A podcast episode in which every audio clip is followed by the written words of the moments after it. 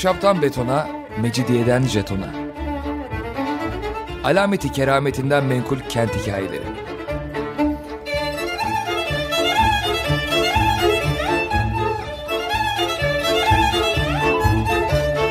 Hazırlayan ve sunan Pınar Erkan.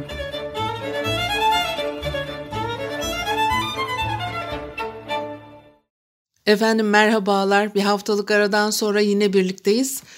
95.0 frekanslı açık radyoda ahşaptan betona, mecidiyeden jetona tam şu anda başlamış bulunmakta. Anlatıcınız ben Pınar Erkan. Elektronik posta adresim pinarerkan.yahoo.co.uk Bugün programımızda ne var? Ee, Emeç yalısından söz etmek istiyorum. Suadiye'deki e, Emeç yalısı. Emeç ailesinin e, üzüntülü bir e, hikayesi var. O üzüntülü kısımlara çok e, değinmeyeceğim. Selim Ragıp Emeç 1899 yılında İstanbul'da doğmuş. İstanbul Üniversitesi Hukuk Fakültesi mezunu. Sonrasında gazetecilik yapıyor. E, dönemin önemli gazetelerinde Vakit, Tercümanı Hakikat gibi yazarlık yapıyor. Sonra e, e, Son Posta gazetesinin sahibi e, olmuş. E, Büyük Millet Meclisi'nde e, milletvekilliği yapmış.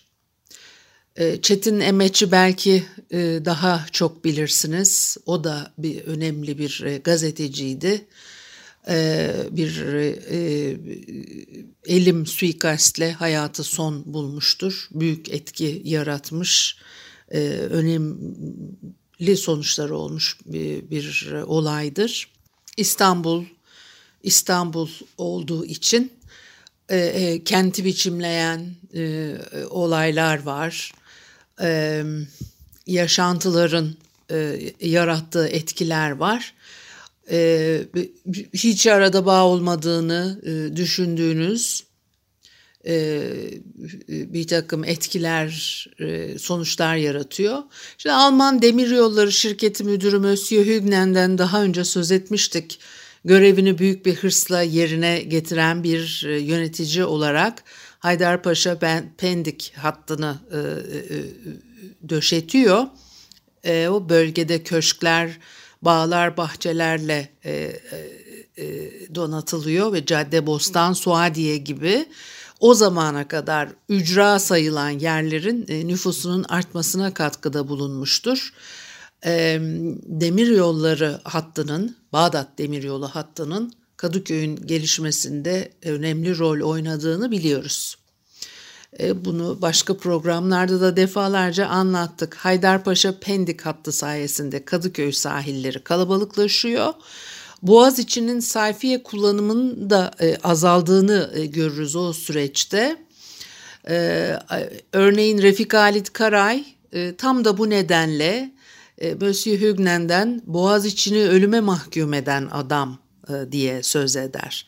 Zaman ilerledikçe e, Kadıköy'den başlayarak Caddebostan, Suadiye ve çevresinin e, e nüfusu artarak gelişiyor İkinci Dünya Savaşı yıllarında çıkan dedikodular bunda çok etkili olmuş.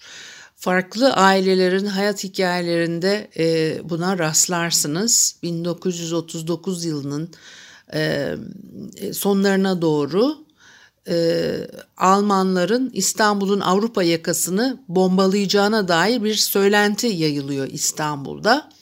O zamana kadar Anadolu yakası sayfiye olarak e, kullanılmaya e, devam etmiş. Bu söylentinin yayılmasıyla birlikte insanlar Kadıköy tarafındaki yazlıklarını kışlık olarak da kullanmak üzere e, değişiklikler yapmaya başlıyorlar. Bu söylentiler yaygın şekilde etkili oluyor. Selim Ragıp Bey de ailesini e, Suadiye'ye taşıyabilmek için bir arazi satın almış. Çok seviyorlar Suadiye'yi. Yazları orada e, geçiriyorlar. Leyla Emeç e, anlatıyor. E, Esra e, e Tüzü'nün e, çabalarıyla. Selim Ragıp Bey Suadiye'de bir e, yer alıp oraya ailesini taşımak istiyor ama e, emlak alışverişi gibi bir alışkanlığı hiç olmamış hayatında haritadan e, bakarak alel acele bir yer seçiyor. O arsanın özelliklerini tam olarak öğrenememiş hatta görmeye bile gitmemiş.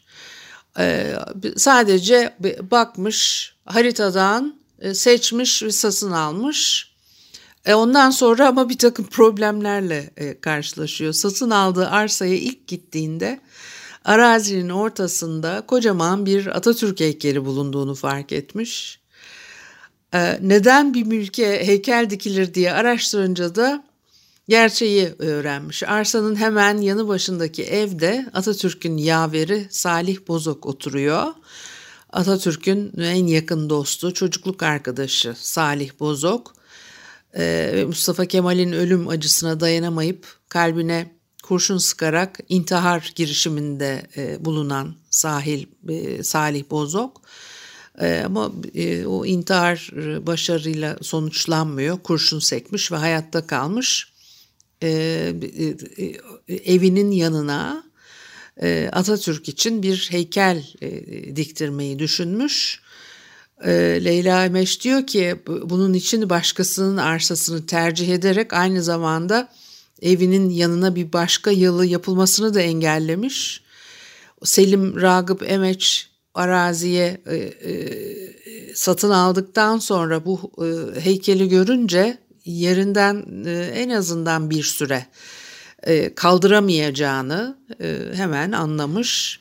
Onun içinde e, o heykeli taşıtmak için herhangi bir teşebbüste dahi bulunmamış.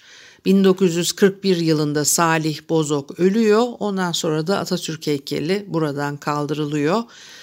Ancak öyle Emeç Yalısı'nın yapımına başlanabiliyor. Emeç Yalısı Suadiye'de o dönem meşhur yapılardan. E, e, yine meşhur mimar Seyfi Arkan'ın e, eseridir. E, Seyfi Arkan en çok Florya'da tasarladığı Atatürk Köşkü ile bilinir ve Atatürk'ün mimarı olarak tanınır.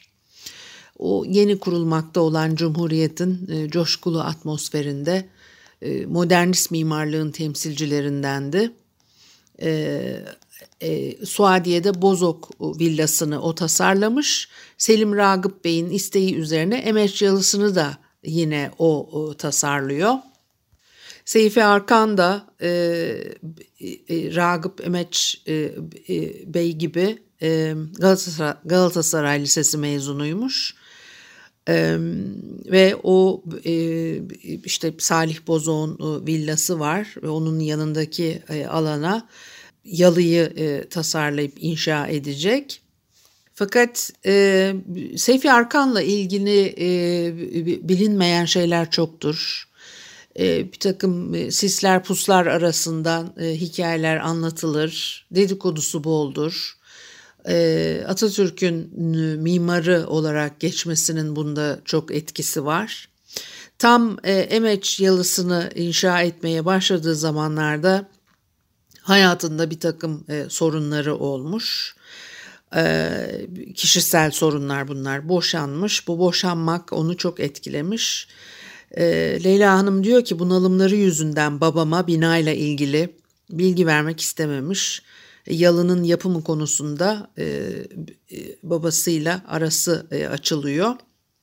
E, Seyfi Arkan'ın ve ondan sonra da binayı tamamlaması çok mümkün olmamış. Hem Selim Rakıp Bey'e e, detaylı bilgi vermekten kaçınıyor. Ayrıca malzeme temini gibi konularda dediğim dedik bir tavır e, takınıyor. E, e, e, kimse böyle bir şeyi e, kabul etmez. Dolayısıyla da aralara öyle açılmış ve e, Kalfa Hayrullah Bey e, binanın son rötuşlarını tamamlamış. E, Emeç Yalısı enteresan bir e, yapıydı. E, e, dışarıdan bakıldığında bir vapuru andırıyor. E, e, genişçe bir bahçenin içinde, çam ağaçları içinde bir yığma beton üzerine yapılmış iki buçuk katlı bir bina. Tam 14 odası bir de kulesi vardı ve her katta oturma bölümlerine açılan odalar yer alıyor. Üst katlarda geniş balkonları var. Bodrum katı çamaşırhane olarak kullanılıyor. Bir de orada yine Bahçıvan Ömer Ağa'nın da odası da varmış. O yalıyı e, yaparken kaloriferle ısıtmayı düşünüyorlar. Bunlar hep o zamanlarda büyük yenilikler. Onun içinde banyolarda e, radyatör e, var. Bunlar konmuş fakat 2. Dünya Savaşı'nda yaşanan demir sıkıntısı nedeniyle başka radyatör bulunamadığı için e, diğer odalar eksik kalmış. Sobayla ısınıyorlarmış o yıllarda. Üst kattaki oturma odasında bir çini soba yanarmış ve de oraya bir sofa açılıyor e, e, Şakir Zümre yanarmış ki bu da bir soba bir şekilde üst katın ısınmasını sağlıyor. Ee, ve e, güzel anılar bırakıyor elbette Leyla Hanım kış geceleri çıtır çıtır yanan odunlar yalnızca yalıyı değil bizim içimizi de ısıtırdı diyor. Hava gazı fırın ve ocaklarda kullanılıyormuş fakat çok az geldiği için e, evde aynı zamanda ispirtolu gaz ocakları da varmış o ispirtonun keskin kokusu vardır. Dolayısıyla evin içine de e, yayılır ve yalının balkonlarına çıkıldığı zaman da Bostancı'dan Fenerbahçe burnuna kadar bütün adaları e, görmek mümkün. E, e, manzara şahane. Bir müzik arası verelim ondan sonra devam edelim. Efendim Açık Radyo'da ahşaptan betona, mecidiyeden jetona devam ediyor.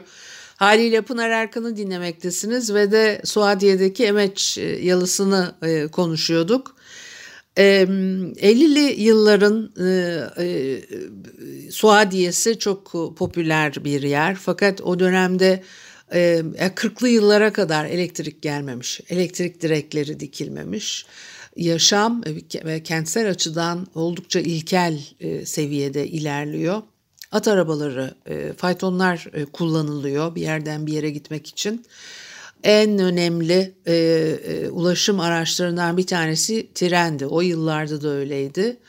E, Haydarpaşa'dan e, Bostancı'ya hatta daha ötesine kadar e, tren e, e, yolu e, önemli bir ulaşım aracıydı. E, şimdi mesela e, Leyla Hanım diyor ki 50'li yıllarda moda terzi demekti.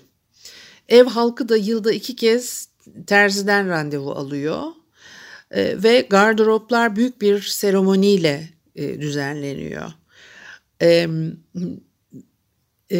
evdeki kıyafetlerin büyük bir bölümü Ermeni bir terzi olan Arşalus Hanım tarafından hazırlanıyormuş. Suadiye'nin o dönemlerde meşhur terzilerinden.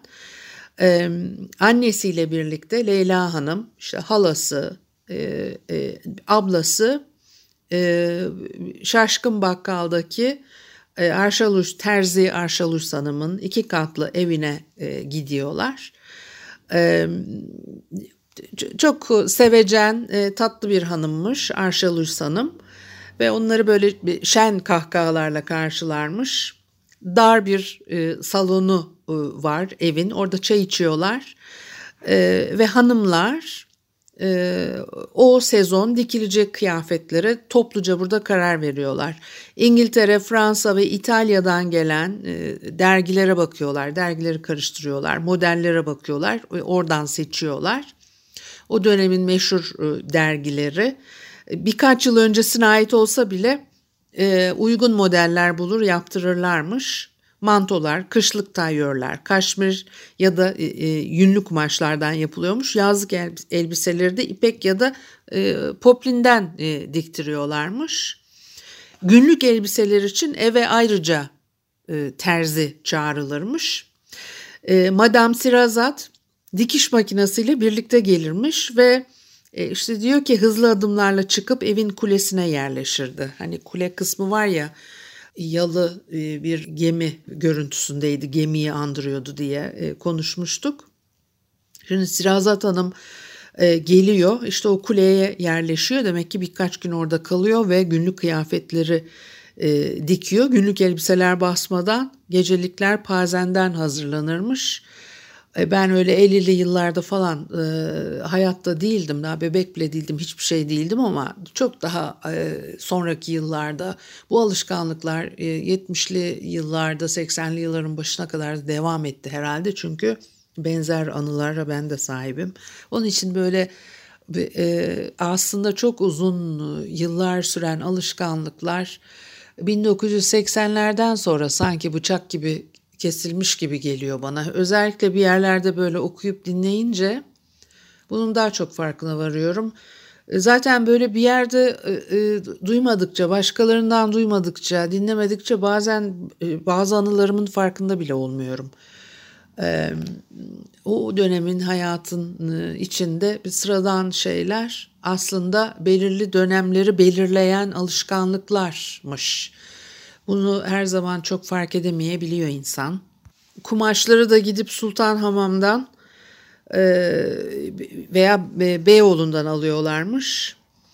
E, çocuklar için e, seçiliyor bu kumaşlar. Selim Ragıp Bey çok şık giyinen birisi. O da Beyoğlu'nda yine kıyafetlerini oralardan diktirir. İstanbul'un en iyi terzlerinden giyinir. En iyi ayakkabıcısına e, makosen yaptırırmış. E, özel siparişler verirmiş. Ayda iki defa alışveriş için İstanbul'a iniyorlarmış. Burada İstanbul'a inmekten kastedilen muhtemelen e, tarihi Yarımada'daki alışveriş yerlerine ki gene e, 80'li yıllara kadar devam eden bir alışkanlıktı bu. E, vapura biniyorlar, vapuru kullanıyorlar. Alışverişe buralara gidildiği zaman dönemin meşhur lokantalarında yemek yemeden de geri dönülmüyor. E, e, alışverişe çıkıldığında mutlaka eve de pasta alınırmış. E, Leyla Hanım diyor ki pasta yemeyi değil ama hayatım boyunca pastanelere gitmeyi çok sevdim. E, Kadıköy'de meşhur bir Kars pastanesi varmış. Spanglezi çok e, meşhur. Eve gelenlere e, bu ikram edilirmiş. Suadiye'de de Şaşkın Bakkal'da e, Rasim Pastanesi'nden başka pastane yokmuş. E, krem şokolaları vitrine e, koyarmış. E, çok e, meşhur bir e, pastaneymiş burası. 1940'lı 50'li yıllar e, Bağdat Caddesi aksı üzerindeki köşk konakların çevresinde modernist villa ve apartmanların çoğaldığı yıllar. E, e, e, Bağdat Caddesi ve çevresinin e, çok şahane e, olduğunu e, söyleyebileceğimiz iki dönemi var. Bunlardan bir tanesi Abdülhamit dönemi ve sonrasında sayfiye yeri olarak bu bölgenin önüne çıkmasına sebep olan bağ bahçe içindeki sayısız konakta sürdürülen yaşamlar. Bir diğeri de 50'li 60'lı yıllarda burada o modernist yapıların inşa edildiği dönemler. Elbette sonraki zamanlarda e, güzel anlatılır ve e, keyiflidir mutlaka ama o e, yapıların korunamaması büyük kayıptır. Şehir için büyük kayıptır, bu bölge için büyük kayıptır. Hele son yıllarda bu yapıların birer birer yıkılması, kentsel dönüşüme e, girmesi, buradaki nüfusun değişmesine sebep olmuştur. E, demografik yapının değişmesine e, sebep olmuştur e, mimari özelliği tamamen kaybolmaya yüz tutmuş bir bölge olarak burası karşımıza çıkıyor. Çok değerli, çok kıymetli yapıları koruyamadık. Yani e, herkes İstanbul'un ne kadar zarar gördüğünden, e, mimarisinin kaybolduğundan söz edip vahlanıyor, tüh tühleniyor filan ama kimse de yani herkes kendi evi, kendi arsası alanı söz konusu olduğu zaman da aman bu şehre zarardır biz bunu yapmayalım diyen de yok. Herkes e, e, kendi alanı, kendi sınırları içinde e, zengin tırnak içinde zengin olmanın e, peşinde koşarken bir taraftan da böyle işte şehir niye korunmadı falan diye e, şikayet ediyor. Böyle bir çok e, sevimsiz iki yüzlü bir tarafımız var. Bakalım bu bizi nerelere götürecek. Şimdi Selim Ragıp Bey devrinin en önemli isimlerinden bir tanesi ve de Yalı'da Osmanlı devrinden uzanan ve o dönemin hayat biçimlerini örnekleyen bir yaşam sürülüyor. Ve buna karşın bölgeye 1940'ların başına kadar Kısmen elektrik direkleri dikilmiş. Yollara henüz asfalt dökülmemiş. E, telefonun bir ayrıcalık olarak sayılı evde bulunduğu, e, telefon bağlatmak için insanların 15-20 yıl beklediği zamanlar. E, dolayısıyla e, başka türlü bir e, hayat e, devam ediyor. 1950'li e, 60'lı yıllar Suadiye kıyıları sayfiye özelliğini hala koruyordu ve yaz aylarında nüfusla birlikte sosyalleşme de artıyor. Necip Fazıl Kısakürek, Vala Nurettin, Mümtaz Faik Fenik, Falih Rıfkı Atay, Faruk Nafiz Çem, Çamlıbel, Ercüment Karacan, Burhan Felek gibi isimler. Emeç Yalısı'nın hatırlı misafirleri arasında e, geçen isimler fakat bir Cahide Sonku var. O e, enteresan. Yalı'nın iki bina ötesinde o dönemin Demokrat Parti Ankara İl Başkanı aynı zamanda Ankara makarnasının e, sahibi Şemsi Demirkan'ın evi varmış. 1960'da e, Yassıada'ya gönderilenler arasına katılıyor. Neyse ki e, yani 50'li yıllar boyunca o evlerinin alt katlarını e, yaz ayları için e, kiraya vermeye başlamışlar. Ve de denize açılan o katı Cahide Songu e, tutmuş. E, Leyla Hanım e, henüz küçücükken o e, Cahide Sonku'yu uzaktan uzağa e, takip ediyor, izlemeye e, çalışıyor e, yüksek topuklu ayakkabılar giyer, e, uzun boylu, e, şahane bir e, kadın kadınmış ama diyor ki benim gibi e, cılız bir kız çocuğu için çok heybetliydi. İnsanların onun neden bu kadar güzel bulduğunu anlayamıyordum. Bana göre bir kere çok yaşlıydı. Henüz 8 e, yaşındaydım ve 40'lı yaşlarda güzel olmak bence imkansızdı diyor çok e, makyaj yapıyormuş. E, çevremizde kimse bu kadar makyaj yapmıyordu diyor. E, o Cahide Sonku o mahallede yaşıyor ama kimseyle görüşmüyormuş. Komşulara selam bile vermiyormuş. Çok ünlü ve çok mağrurmuş. E, Cahit Irgat'la evleniyor e, sonradan. E, Cahit Irgat e, zaman zaman gelirmiş. Ondan başka da gelen olmazmış zaten. Sabahın çok erken saatinde sete gider. Çoğu zaman da geç saatlerde dönermiş. Şimdi Leyla Hanım o zamanlar 8 yaşında küçük bir kız çocuğu yalının balkonlu odalarından e, izliyor Cahide Sonku'yu e, annesine yakalanmaktan korkarmış. Hep bir gözüm içeride bir gözüm dışarıda. E, Cahide Sonku'nun hayatını keşfetmek isterdim diyor. Bir keresinde dayanamayıp yan bahçenin duvarından atlamış dairesine bakmaya bile çalışmış. Cahide Sonku'nun evinin verandası balkon gibiymiş. Orada sessizce oturur, dalgaların sesini dinlermiş. Akşamları o verandada e, kırmızı ışık yakarmış e, gözlerine parlak ışık e, dokunurmuş e, ve bir akşam bir bunun için kırmızı ışık yakıyor. Sonra bir akşam bir e, gümbürtü kopuyor. Bütün yalı ahalisi deniz kenarına koşuyor. Bakmışlar ki ada vapuru kayalıklara bindirmiş. E, dedim ya denize açılan verandasında akşamları gözleri acıtmasın diye e, kırmızı ışık e, yakılıyor. E, Cahide Sonko öyle sessizce oturup saatlerce dalgaların e, sesini dinler uzaklara bakarken bir gece o yanan kırmızı ışığı Suadiye iskelesinin ışığıyla karıştıran kaptan kocaman ada vapurunu sahildeki kayalıklara bindirmiş. E, bugün yalıda yok, Suadiye kıyılarını şenlendiren yalıların hiçbirisi yok. Ee, yalılardan inilen plajlar da yok, denizlere açılan verandalar da yok. Başka bir devir, başka bir şehir, bambaşka hayatlar. Bu haftalık bu kadar olsun. Haftaya görüşene kadar hoşçakalın.